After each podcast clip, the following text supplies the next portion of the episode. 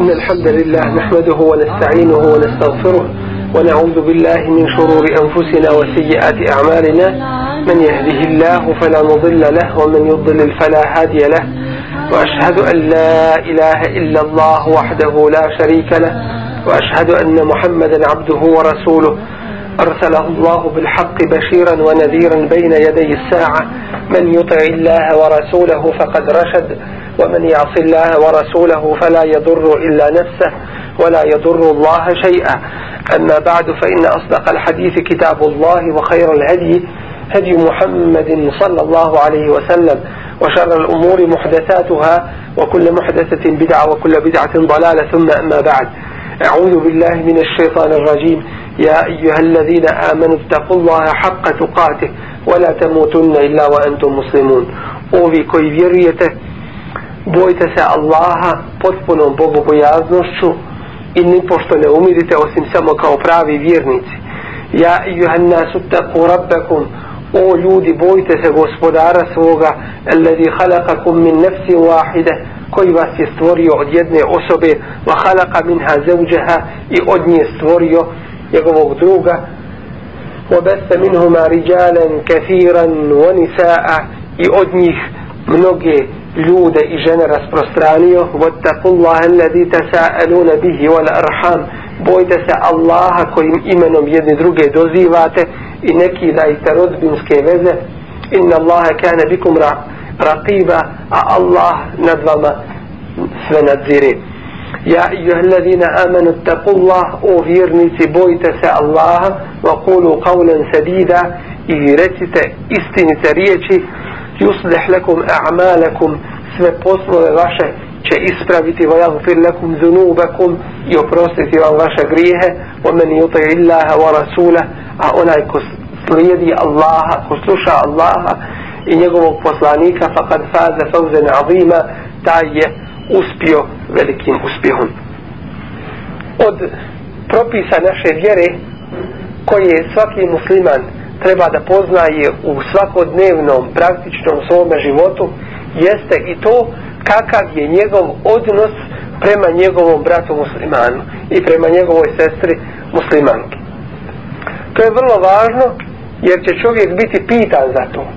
Biće pitan na sudnjem danu, a prije sudnjeg dana na ovome dunjalučkom životu naši poslovi će biti u onolikoj mjeri u redu i onako kako treba u kolikoj mjeri se mi pridržavamo ovih principa. To jeste, pridržavamo se propisa odnosa nas muslimana jednih prema, prema drugima. I upravo u tome vidimo odgovor za izlazak iz ove situacije u kojoj se danas naš umet našao. Odnos nas muslimana jednih naspram drugih. Šta islam o tome kaže? Sada nećemo samo govoriti o tome šta smo mi dužni jedan drugome uraditi kao muslimani. Učiniti. Već šta su naše opšte dužnosti, kako treba ja kao musliman da se odnosim prema svojom brat, bratu muslimanu. Princip na kome se sve ostalo zasniva. Imamo tri vrste odnosa čovjeka prema čovjeku. Jedna je vrsta da čovjek voli više sebi nego drugome. Druga vrsta je da čovjek voli drugome kao što voli i sam sebi. I treća vrsta, da čovjek voli drugome više nego što voli sam sebi. I da vidimo šta nam Allah Đelešanu kaže u pogledu sve, sve tri ove vrste koje smo spomenuli. Što se tiče prve vrste odnosa ljudi međusobno. To jeste da čovjek voli više sebi nego drugima. Ili drugim riječima da musliman voli više sebi nego drugome kakav je hukum i šarijatski propis u pogledu toga. Šarijatski propis u pogledu toga je da je to zabranjeno i haram. Da voliš više sebi nego drugome. To su velike riječi. Daj nam delil za to. Daj nam dokaz. dokaz za to su kuranske riječi وَمَنْ يُوْقَ شُحَ نَفْسِ a onaj ko bude sačuvan svih vrsta škrtosti. Fa ulajke humul muflihun. To su oni koji će uspjeti. To znači drugi neće. Wa uhdiratil anfusu šuh. A? U ljudskim dušama ili ljudskim dušama je prisno i one su pristrasne toj vrsti škrtarenja. To jeste da vole više sebi nego drugome. I to ne smije biti druga vrsta jeste da čovjek voli svome bratu muslimanu kao što voli i sam sebi. I to je dužnost svakog muslimana to je vađib, obaveza. Dokaz zato su riječi Resulullah sallallahu alaihi ve sellem u hadisu koga prenosi i Buharija i muslima kaže se u njemu la yu'minu ahadukum. Ne vjeruje neko od vas hatta sve dok yuhibba li ahihi ma yuhibbu li nefsihi dok ne bude volio svome bratu isto ono što voli i sam sebi. Velike su ovo riječi. Znači ne vjeruje niko potpunim kako treba imanom neka se ne zavarava dok ne bude volio svome bratu kao što voli i sam sebi mi ćemo se vratiti na pojedinosti ovoga. Što znači da je ovo vađib. Vađib je muslimanu dužnost voliti svome bratu kao što voli sam sebi. U pogledu njega njegovog dunjaluka njegovog ahireta njegove porodice, njegove djece i svega ostalog i treća vrsta a to je da čovjek voli svome bratu muslimanu više dobro više nego što ga voli samome sebi. Kakav je hukum šerijatski propis u pogledu toga? Kažemo to je mustahab lijepo je. Wa kalilum mahum ali malo je takvih. Jer kad bi se reklo da je vađiv koliko bi ljudi se ogriješili?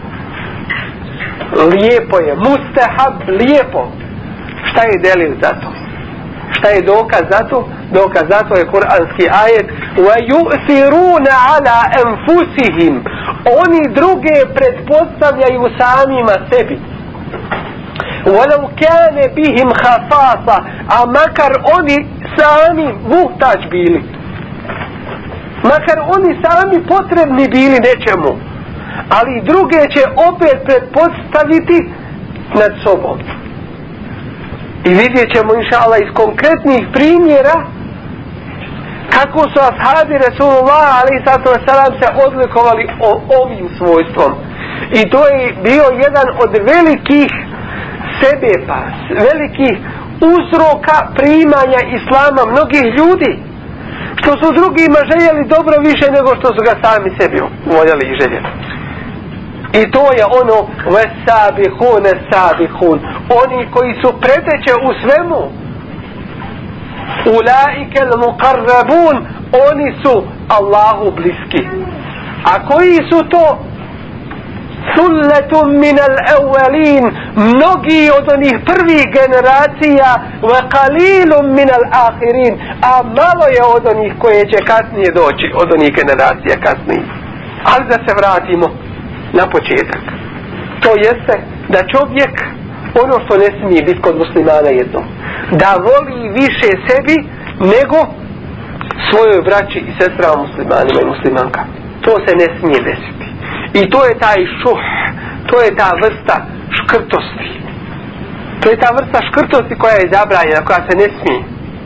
Čovjek može biti da voli i metak ali to što voli i metak usmjeri. Tu svoju strast. Usmjeri je pa voli zaradit ali ne da šeitan da mu taj metak bude u srcu pa troži na Allahovom putu. Osman radijallahu anhu potrošio je i dao tri stotine deva. Ti, tri stotine deva za opremanje vojske Džejšun Usre koja je u najtežim momentima krenula protiv Bizantije prema Tebuku iz Medine u velikoj vrućini. Kada su mu, munafici govorili vrućina je kućete na ovu vrelinu izlaziti? Allah im odgovara kul naru džehennene šeddu harra. Džehennemska vatra i žešća i vruća od ove vrućine dunjalučke. Osman radijallahu anhu daje 300 deva sa svom opremom. Još daje 50 konja još daje 10.000 dukata. Pola vojske te on je tamo premio i kaže mu Resulullah alaih sato salam ne smeta Osmanu šta god od danas uradi. Džennetlija pa dolazi Ebu Bekr radijallahu anhu. Koliko druge predpostavlja? Nad sobom dolazi Ebu Bekr radijallahu anhu i donosi im metak svoj. I pita ga Resulullah sallallahu alaihi sallam šta ti ostavi Ebu Bekr vi to svi znate a on odgovara ostavio sam Allaha i njegovog poslanika. Dakle u Allaha se uzdam. Onaj ko mi je dao ovaj imetak, da će i drugi. A ja ovo šaljem na ahiret prije sebe. Dakle predpostavljaju ispred sebe svoju braću muslimane a da ne govorimo da predpostavljaju svoju vjeru ispred svojih dunjalučkih ličnih interesa. Pa je musliman dužan založiti svoj imetak i založiti svoju čas da, za odbranu brata muslimana. Kako čas založiti? Da ustane da odbrani svoga brata muslimana pa da ljudi protiv njega govore pa i ovaj je lud. Pa čak ako treba založi i svoj život. To je to predpostavljanje dakle drugih nad, nad sobom. Isto tako nam Resulullah ali sad sam kaže edinu nasiha. Din vjera to je nasihat. To je savjet. Kome? Da ljude savjetuješ u pogledu Allaha u pogledu njegovog Resula u pogledu Allahovog kitaba i da savjetuješ i predvodnike muslimana i uopšte muslimane. I zato musliman ne smije mu se desiti, znači u mnoge hadise u kojima Resulullah a.s. sam kaže musliman je brat muslimanu, la javlimuhu, neće mu zulum činiti, wa la jahzuluhu i neće ga ostaviti na cjedilu pred neprijateljem u teškoj situaciji, pod dugom i tako dalje, a on je u mogućnosti da mu pomogne. Wa la jahtiruhu, neće ga ponižavati, neće ga podcjenjivati i tako dalje. Dakle, ono jednom riječu što ne bi volio sam sebi, ne smiješ, ne smije se desiti da ti radiš svojom bratom muslimanu. Ili da ga gledaš u nekoj nedaći, ti si u mogućnost da mu pomogneš, a ne priskočiš mu u pomoć. Dakle, u tome smislu, ono najmanje što se od muslimana traži, jeste da voli svome bratu muslimanu isto ono, i isto onoliko koliko voli i sam sebi. Pa kad vidiš neko dobro, onda prineseš to dobro muslimanima. Bilo ahiretsko vezano za, za vjeru, bilo dunjalučko vezano za nešto od ovih dunjalučkih poslova. Vala, možeš se, brati, znam da si nezaposlen, možeš se tu zaposliti. Vala, ja držim pare u banci, evo izvadit ću banke, pare iz banke i daću da se ti zaposliš, da kupiš ovce da ih čuvaš, da nešto radiš. To je ono islamsko bratstvo. Voli svome bratu kao što voliš i sam i sam sebi. Ispod toga musliman ne smije mu se desiti da ide. Inače stradamo svi kao zajednica na uzobila. Ako je nasihat kakav dadneš mu nasihat kao što bi i sam sebi rekao. I zato ne smije musliman biti od svog brata muslimana okrenut više od tri dana. Ima vremena kada Allah uzvišeni oprašta grijehe. Ali u tome čak vremenu kaže, kažu mu meleki a ta dvojica među muslimanima su posvađana zavađena.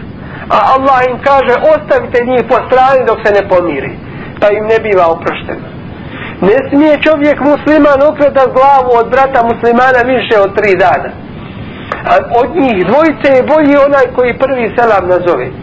Dakle u pogledu vjere kada znaš da je nešto dobro, dužan si ga savjetovati kao što i sam sebe posavjetiš. Kada vidiš neko zlo, bilo u pogledu njegove vjere, da je popustio u vjeri, ili da nešto kod njega u vjerskom pogledu nije u redu, ili da ne poznaje neke propise, dužan si ga upozoriti na to. I isto tako u dunjalučkim poslovima. kada znam da će idući ovim putem nastradati da taj put je zatvoren i tako dalje recimo nemoj tamo ići ne stradaćeš ili nećeš moći proći i tako dalje u svim poslovima ono što želiš sebi želiš i drugima i od ovoga su hadize Resulullah ali sad sam a prije toga Kur'an i Kerim vidjeli smo kako govori o zabrani gibeta o zabrani nemimeta i tako dalje. To znači da dođeš nekome drugome i govoriš o tome svojom bratu muslimanu makar to bilo istina o njemu što govoriš ali ne kažeš njemu direktno da bi ga ispravio nego kažeš trećoj osobi. Kažeš nekome koga se to ne tiči na taj način stvaraš podvajanje među muslimanima razdvajanje među njima zavađanje i tako dalje to sve i mnogi drugi principi zasnovani su upravo na ovome spomenuto što je dužnost muslimanu da želi svome bratu i svoje sestri muslimanu i muslimanki ono što želi i sam sebi i ne smije ispod toga ići وما تقدموا لأنفسكم من خير teđiduhu inda Allah a ono što učinite od dobra za sebe naći ćete kod Allaha uzvišenog. Huwa khayran wa azama ajra to je bolje i veće nagrade. I zato musliman upravo u ovakvoj situaciji sa ovim principima ne može sa Allahom pomoć skrenuti sa, sa, sa pravoga puta makar i ne poznavao nekada pojedinačne propise šta smije, a šta ne smije u pogledu svoga brata i svoje sestre muslimane i muslimanke ali kad zna ovaj princip a to je da želiš svome bratu i svoje sestre muslimanu i muslimanke ono što želiš i sam sebi onda su ti mnoge stvari kasnije i jasnije i vrlo ih lako možeš primijeniti. To jeste svako od nas po svojoj prirodi, to jeste, kad kažemo po prirodi, to jeste po Allahovom u stvari davanju. Jer ništa nije slučajno. Po tome kako je Allah u nama stvorio, svak od nas zna šta je dobro, a šta je loše. E, to što želiš sam sebi, želi i drugome, to što ne voliš ni sam sebi, nemoj, nemoj voliti da se dešava ni drugome od, od muslimana. I tako ćemo vidjeti da je musliman jedna živa ćelija u, u islamskom društvu. Ne može mu se desiti da kaže pa to se mene ne tiče. To je druga porodica. To je druga mahala. To je druga drugi kanton. To je druga država i tako dalje. Ne, ne. Sve mora da te se tiče. Jer ti si musliman i ti si odgovoran. Po ovome kad bi se reklo da čovjek šta me se tiče, mogu bi čovjek vrlo lako reći, a šta se ticalo onoga čovjeka koji je došao da pomogne trojicu Allahovih poslanika, koji se spominje u sura Jasin. وَجَاءَ مِنْ أَقْفَ الْمَدِينَةِ رَجُلٌ يَسَعَ I dođe iz najudaljenijeg mjesta čovjek trčeći. Što dolazi? Dođe da glavu izgubi. O dođe radi dženneta, alhamdulillah. Mi muslimani nismo dunjalučari. Mi muslimani ne gledamo kroz pare, kroz materiju to. Nego gledamo kroz Allahove propise. Kroz ono čemu nas je Allah proučio. Allah najbolje zna. I Allah bolje zasigurno od nas zna. Dolazi da pomogne onu trojicu poslanika i kaže ja kao mi tebi on morselin o narode slijedite poslanika I koliko bi kod nas danas drugačija situacija bila da muslimani, mi svi kao umet, tako radimo i postupamo. Nešto smo vidjeli da ne valja u pogledu vlade, u pogledu opštine, u pogledu vjerske zajednice, u pogledu džamije, u pogledu našeg džemata, u, bilo, u pogledu bilo čega, mi smo ži, živa jedna ćelija koja radi u ime Allah i to ti je namaz. A namaz hoćemo da kažemo sala, ibadet. I to ti je jedna vrsta ibadeta koja je u dotičnom trenutku vrijednija i važnija kod Allaha i više nagrađena kod Allaha nego da činiš namaz sam da klanjaš namaz na filu. Jer ono je namaz na fila a ovo je ibadet koji činiš u dotičnom trenutku i nužno ti je da ga učiniš pa ti nije napila pa ti je obaveza a to jeste da ispravljaš situaciju u kojoj si se našao Ja kao mi tebi ono Murselini kaže im tome svome narodu. Dakle, pomaže te poslanike. Nije došao sa strane, pa eto šta god bude, ja ću vjerovat sam za sebe. Ne. Ne znaš ti gdje Allah može i kada može i preko koga može hajr dati.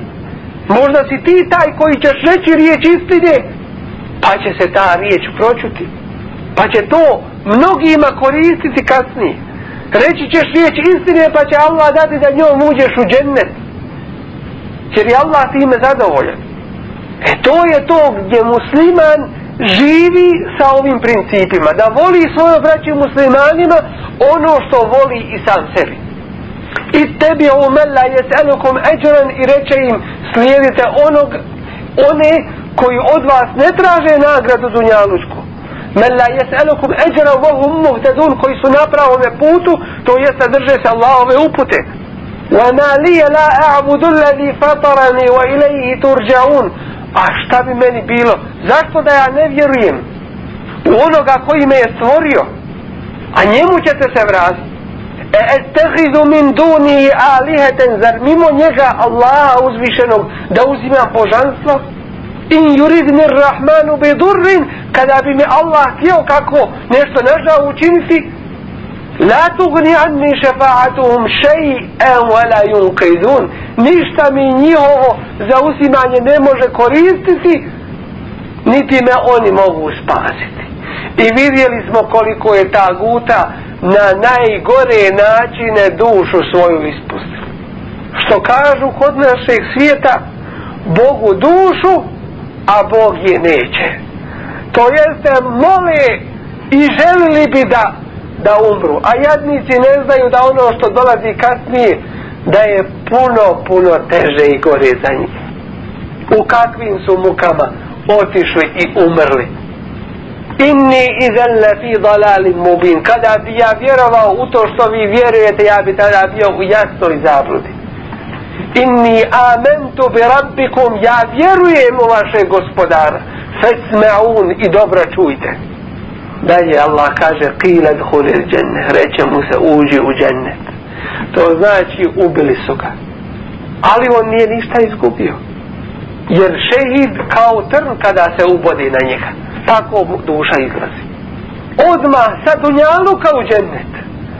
Nije sa tijelom, s dušom je, ali šta, šta imamo na to reći, na to ljepotu? Kad kijametski dan nastupi i nakon što Resulullah sallallahu alaihi ve sellem prvi u džennet uđe onda će ljudi za njega svojim i dušama i tijelima u džennet ulaziti. Ali sada šehidi prije kijametskog dana idu u džennet njihove duše a tijela ostaju onda gdje?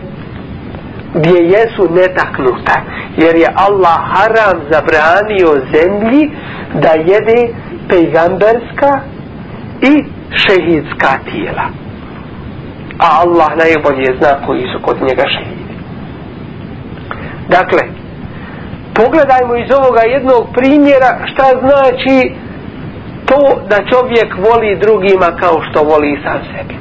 Ali ovaj primjer koji smo sada naveli on znači da je ovaj čovjek volio svome narodu više nego što voli sam sebi.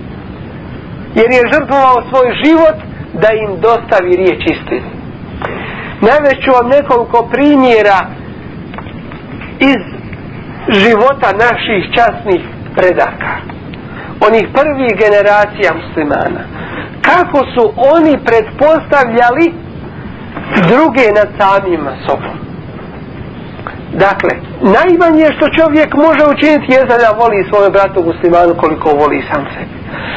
I to je vađib, to je dužnost i obaveza. Jer hadis kaže, niko od vas neće vjerovati dok ne bude volio svoje bratu kao što voli sam sebi. I to je velik stepen.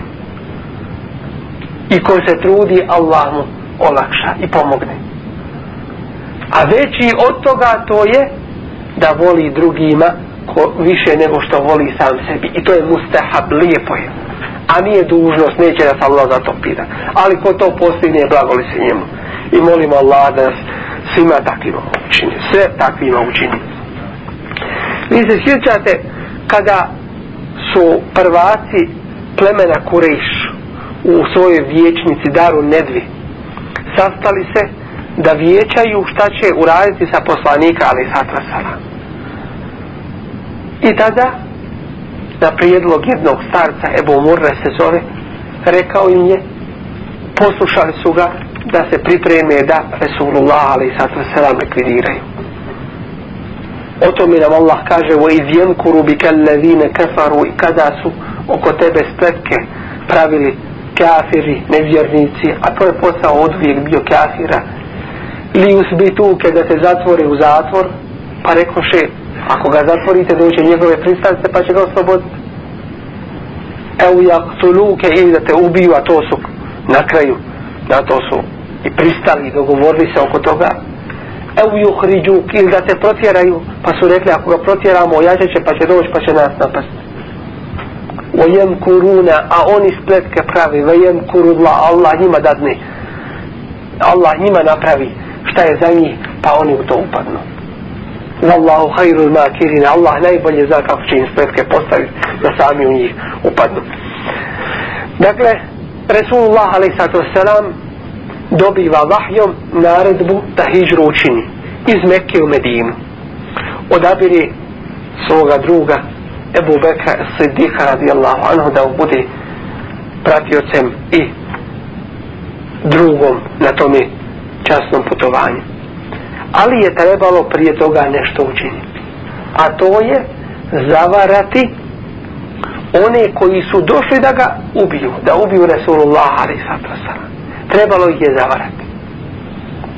Trebalo je postaviti u postelji nekoga ostaviti u postelji Resulullahovoj alaihissalatu nekoga da mušnici misle da je neko tu da je on Resulullah alaihissalatu tu a on da izađe potajno i Resulullah a.s. za taj časni posao odabrao je Aliju ibn Abi Talib radijallahu anhu znajući njegov iman njegovo požrtovanje na Allahovom putu i njegovu spremnost da to učini u ime Allaha. Pazite šta to znači. On se ovdje izlaže jednoj životnoj opasnosti. Sad ne mogu doći i napast misleći da je tu Rasulullah ali i sad Ali ovakve časne uloge i dužnosti povjeravaju se najboljima. Jer ako padne kao šehid u tome trenutku, blago li se njemu? Jer u nas muslimana je drugačiji pogled na dunjaluk a alhamdulillah na ahiret naš je pogled onakav kako nam je Allah rekao a kjaferi uopšte ne vjeruju u taj ahiret tako je Alija radijallahu anhu unaprijed spreman da žrtvuje svoj život za Resulullah ali sad su lega u njegovu poster. mušici su gledali vidjeli neko ima unutra neko je njegove postel i mislili su da je Resulullah ali sad unutra. Iako je Alija radijallahu anhu bio mladić tada, nije žalio ako treba žrtvovat svoj život za Resulullah sallallahu alaihi wa sallam. Za ovu vjeru, za muslimane i tako dalje. Drugi primjer prenosi se od Huzeife el Adevija i kaže u bitci na Jermuku da je došao sa malo vode u ruci počeo, kaže, počeo sam obilaziti ranjenike, ne bih li gdje našao svog Amidžića sa namjerom da ga ako je živ, ako je još živ napojim i vodom mu operem lice. Dakle, nakon bitke obilazi ranjenike i traži svog Amižića da ga malo napoji, ako je još uvijek živ i da mu malo umije lice prije smrti. E, ugledavši ga, upitao sam ga, da ti dam malo vode pa mi je dao znak da hoće i žeđ i ranjenik i bolovi rastaje se sa dušom. U tom se začuo glas drugog ranjenika kao je, kako ječi. Viće a pa mi je Amidžić dao znak da vodu odnesem njemu. Dakle, ne mogavši mu reći, idi dao mu je znak, idi njemu i odnesi u vodu, njemu je potrebnije. otišao sam i vidio da je to Hišam ibn Las pa sam ga upitao da ti dam malo vode. U tom momentu čuo je kako pomaga treći ranjenik. Pomaže jauči od bolova. A iće pa mi je Hišam dao znak da vodu odnesem njemu. Prišao sam mu i vidio da je već umro. Da je već preselio. Vratio sam se Hišamu i vidio da je i on preselio zatim sam se vratio svome Amidžiću i vidio da je i on preselio. Allah im se svima smilovao. Pogledajmo te žrtve u ime uzvišenog Allaha Đelešanu. Mogao bi neko reći pa šta ću više? Eto izranjavan sam čekam smrt samo makar da se malo napijem vode da olakšam ove svoje muke. Do zadnjeg časa do zadnjeg trenutka dok im duša nije izašla misli su jedni na drugi jer ovo je škola Resulullahova ali i sad vasalam bila. Iz koje su svi uspješno izašli. Kao ashabi Resulullahovi ali i sad ovo je jedan od najsjajnijih živih primjera kako se drugom treba želiti dobro više nego i samom sebi. I kako je život drugog preći i važniji nego sobstveni život i tako je slučaj sa muslimanom u cijelokupnom njegovom životu. Buharija i muslim u svojim sahih zbirkama hadisa da vidimo jedan drugi primjer navode kako je jednom prilikom kod Allahova poslanika alaihi sato selam odsjeo neki gost. I kako u svojoj kući nije mogao naći ništa čime bi ga počastio pa jedan ensarija pa se jedan ensarija ponudio da ugosti toga gosta Resulullahovog sallallahu alaihi sallam. Odveo ga je svojoj kući i rekao ženi ženo šta imaš od hrani a ona kaže imam hranu za djecu. I ništa više. A on je onda kaže uzmi i zavaraj djecu dok ne zaspi a onda napravi se kao da si slučajno svijeću oborila pa ugasi svjetlo tako a onda donesi tu posudu sa tom, sa to malo hrane što ima pa ćemo u tome mraku se praviti kao da im jedemo. Da bi taj gost imao šta, šta pojesti. I da ne bi osjetio, da se ne bi nezgodno osjetio u takvoj jednoj situaciji. I tako su oni i napravili i žena uspavala djecu gladnu da tako spavaju ugasila svijeću i postavila da jedu to malo što su imali. Oni su se pravili da jedu sve dok se gost nije najeo. I tako su pokazali da više vole gostu nego sami sebi. Ujutro kada kada je osvanulo. Oni su mislili to je ostalo među njima završeno s tim i gotovo. Ali ima onaj koga mrak ne spriječava da vidi.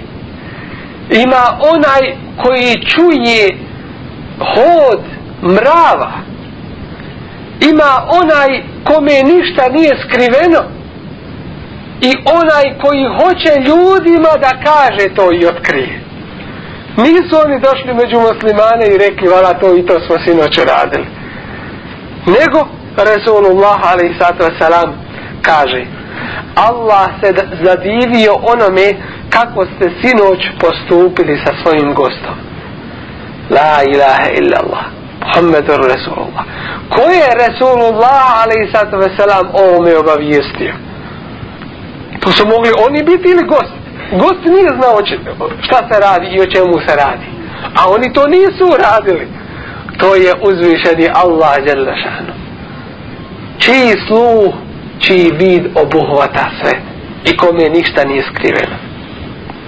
I mufesiri navodi da je taj slučaj bio povodom objave kuranskog ajeta iz sure Al-Hashr, deveti ajet, u kome uzvišeni Allah kaže وَيُؤْثِرُونَ عَلَىٰ أَنفُسِهِمْ više voljeli drugima nego samima sebi وَلَوْ كَانَ بِهِمْ خَصَاصَ makar je i njima samima bilo potrebno. Pogledajmo ovoga časnog primjera. Nekima je teško dat i učiniti kad imaju. A kako li je tek dat i učiniti kada se ne ima? Nečiji je dirhem i dinar ili bilo šta od bilo koje druge valute za nekoga će biti vrijednije to malo što je dao nego drugi što date puno puno više jer on je dao onoliko koliko ima to je njegovi metak to je ono što on ima kao što su ashabi dali našem cjelokupnom umetu divne primjere. Isto tako i tabijini pogledajmo nekih neke od tih. Pripovijeda se da se kod Ebu Hasana el Antakija jednom prilikom zateklo preko 30 ljudi za sofrom. Došli na kojoj je bilo samo nekoliko kora hljeba od kojih se nisu svi mogli najesti nisu imali. Ali su imali iman ali su imali tu darežljivost. Ali su imali blagodat pa im Allah da reke dadne i učini u tome. Jer lijepa namjera se od tebe očekuje. Ko dadne da se iftari postač ima nagradu kao da je i postio taj dan pa ako ima makar jednu hurmu neka mu dadne tu jednu hurmu ako nema ni to makar čašu vode nek mu prikući Dakle, ne, ne traži se koliko, nego se traži ta tvoja želja za dobro. Uzeli su, i zlomili te kore hljeba, koliko su imali, ugasili svjetlo i sjeli da jedu. Zašto ugasili svjetlo? Da se ne bi jedni drugi stidili, nek uzme ko šta, uzme i tako će pojesti. Jer je malo hrane, pa nek svako polje što uzme. Možda će se neko ustručavati pa neće nijest. pa su zato ugasili svjetlo. Kada je sobra dignuta, sve kore su bile netaknute.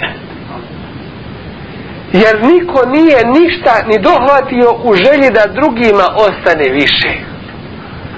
Dakle, nije rekao neko od njih, ja ću uzeti jednu koru i završiti sati. Ni niko ništa nije dohvatio. Tako je svaki musliman, nijako gladan, više volio da se najedu drugi nego on sam. Na kraju se uspostavlja da su svi više voljeli drugome nego sami sebi. Kazuje se da je Bišr ibn Harisu dok je ležao na samrtnoj postelji došao jedan čovjek. Čovjek kad se rastaje sa dušom obično osjeća to. وَظَنَّ أَنَّهُ الْفِرَاقِ I bude ubijeđen u tome času čovjek da je to rastanak duše sa tijelom da duša mora izdati. Allah mu dadne taj osjećaj. Često se čovjek razboli u svom životu. Ali osjećaj da se približio čas smrti i da duša mora izaći, to je poseban osjećaj. I o tome Allah govori i kaže وَظَنَّ أَنَّهُ الْفِرَاقِ I bude ubjeđen, nimalo u to sumnje nema da je došao čas rastanka duše sa tijelom. U altefeti saku bi sak kada se sastave noga uz nogu i na rabbika je ome idin il mesak gdje ide, ide svome gospodaru tamo. Tamo mi suzet. Bišer ibn Haris kada mu je došao smrtni čas ležeći na smrtnoj postelji došao jedan čovjek i požalio mu se na siromaštvo a vi ćete naći ljudi da ima koliko god ne ima nikada ne bi zatražio. I to su oni najbolji. Jahtebuhumul džahilu agnijae minet ta'afuf. Misli čovjek da su oni bogati od, od toga što se ustručavaju zatražiti. I koliko ima naših nana i deda, mumina i mutekija, koji ne bi zatražili kada bi ne zna šta bilo. I zato neka se Allaha boje. Oni koji misle da će lako proći. Time što kažu pa ja sam se odužio ja sam se kutarisao zekata ja sam dao pa nek radi od njega šta god hoće. Ovome ili onome ako nisi provjerio kome si dao. Ako ne imaš uvida kome ide taj zekat i kako se taj zekat deli i da li dolazi na svoja mjesta. S druge strane ako znaš da se svašta od toga radi onda ti je bolje uzeti drugi put pa podaj na mjesto. Jer ti nisi zekat dao. Jer ti nisi svoju obavezu izvršio jer mi Allahu time uslugu ne činimo. Walakin Allah yamun. Nego Allah nama daje svoju blagodat. Time što je propisao i zekat i sve druge propise da se naš imetak čisti da se mi sami čistimo i tako dalje. Nije to da čovjek se dadne i da kutariše već da dadne na mjesto od toga će biti koristi. I to će uroditi pravim plodom. Dolazi čovjek biš rubnu harisu koji leži na smrtnoj postelji i žali mu se na siromaštvo. Pa je bišar sa sebe skinuo svoju košulju i dao mu je. A pozajmio drugu u kojoj je umro jer je svi, svjestan ništavnost ovog dunjaluka. Domalo kad duša izađe i tu koju si posudio košulju i nju će skinut sa tebi. Nećeš ni nju ponijet na ahiret sigurno. Nećeš ni nju ponijet na ahiret. Kad je to tako svjestan ovoga ovo su za nas možda čudni malo primjeri ali ovo je stvarnost života na dunjaluku da čovjek uradi za ovu vjeru da žrtvuje u ime Allaha učini. Šta drugi rade mi nećemo za druge biti pitani. Ali u ovim najboljim primjerima vidimo jedan od razloga jedan od uzroka zašto su te prve generacije uspjele u kratkom vremenu od istoka do zapada proširiti din islam ovaj emanet prenijet na drugi. A isto tako vidimo sa druge strane da danas mnogi nažalost su skroz u suprotnom položaju od ovih prvih generacija. Želimo li kao muslimani napredovati? I ovaj emanet iznijeti na svojim plećima kako treba. Dužnost nam je obaveza i vađib. Da volimo svoje braće muslimanima kao što volimo i sami sebi. Ako ovo uspijemo to je veliki hajr i to je veliko dobro i to je iman. A oni najbolji oni prvaci oni koji neće požaliti žrtvu ka, kakvu god i koliku god su uradili na ovome dunjaluku. Blagoli se njima. Blagoli se njima. Došao si ranije u džemat i stigao si u prvi sap. I sada vidiš prijatelja, ah baba, u drugom safu, ti izlaziš iz prvog safa i pusaš njemu mjesto u prvome safu. Tu se ne primjenjuje predpostavljanje drugog nad sobom. Tu se ne primjenjuje predpostavljanje drugog nad sobom. Jer kaže ajet kuranski وَفِي ذَلِكَ فَلْيَتَنَافَسِ الْمُتَنَافِسُونَ A u tome neka se natječu oni koji žele da se natječu. U tome je dobro. Drugo je ako se radi o propisu ko će stati za imama, O tome imamo hadis. Resulullah sallallahu alaihi ve sellem gdje se kaže neka iza mene staju oni koji su razboriti. To jeste koji su učeni prvaci. Oni koji su učeni u vjeri koji su primjerom muslimanima svakog dobra i tako dalje. Zašto? Jer može imam pogriješiti u namazu pa će ga ispraviti. Može napustiti džemat pa će stati na mjesto imama i tako dalje i tako dalje. Kao što se desilo kada je bio ubijen Omer radijallahu anhu na sabah namazu u mihrabu.